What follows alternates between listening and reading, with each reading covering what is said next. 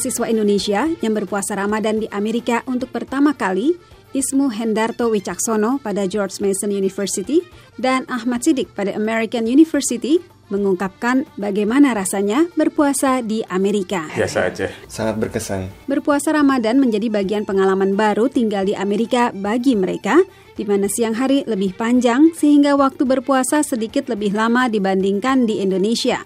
Di pantai timur Amerika, mencakup Washington DC, masa berpuasa kira-kira 16 setengah jam. Cuma selisih dua jam. Sejauh ini yang paling menantang ya karena jauh dari keluarga. Keduanya sepakat berpuasa di Amerika menyenangkan.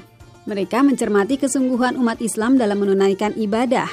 Itu mendorong Sidik lebih khusyuk beribadah. Kekerabatannya lebih lekat, lebih kental. Kita di sini sholat itu saling merapatkan barisan gitu, tidak seperti di Indonesia bentuk kepedulian mereka terhadap agama seperti tidak berjauh-jauhan. Sudah nggak ada pemisah bahwa kita bagaimana cara duduk kita waktu tahiyat, bagaimana cara kita mengucapkan salam, hal-hal kecil yang mungkin di Indonesia bisa jadi diperdebatkan gitu. Sedangkan kalau di sini yang penting kita bersama-sama gitu.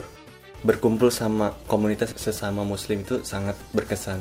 Terus terang lebih rajin ke sholat berjamaah dibanding di Jakarta, mungkin karena kesibukan atau memang karena males tapi di sini lebih banyak keinginan untuk sholat bersama terus buka puasa juga bersama komunitas bagi Sidik yang baru pertama kali tinggal jauh dari keluarga kecilnya, yang berat justru rasa kangen pada keluarga. Ia sempat menitikkan air mata. Masakan buatan orang tua nggak ada yang ngalahin dibanding masakan restoran. Kedua, kebersamaan saat sahur buka bersama. Ramadan di Amerika memaksa Sidik dan Ismu menjadi duta bagi Islam dan Indonesia, menjelaskan kepada teman-teman di kampus dan rumah kos tentang puasa dan Islam, atau mengajak berbuka puasa bersama. Keduanya senang karena orang-orang itu mengaku mendapat gambaran lebih tentang Muslim dan Islam di Indonesia.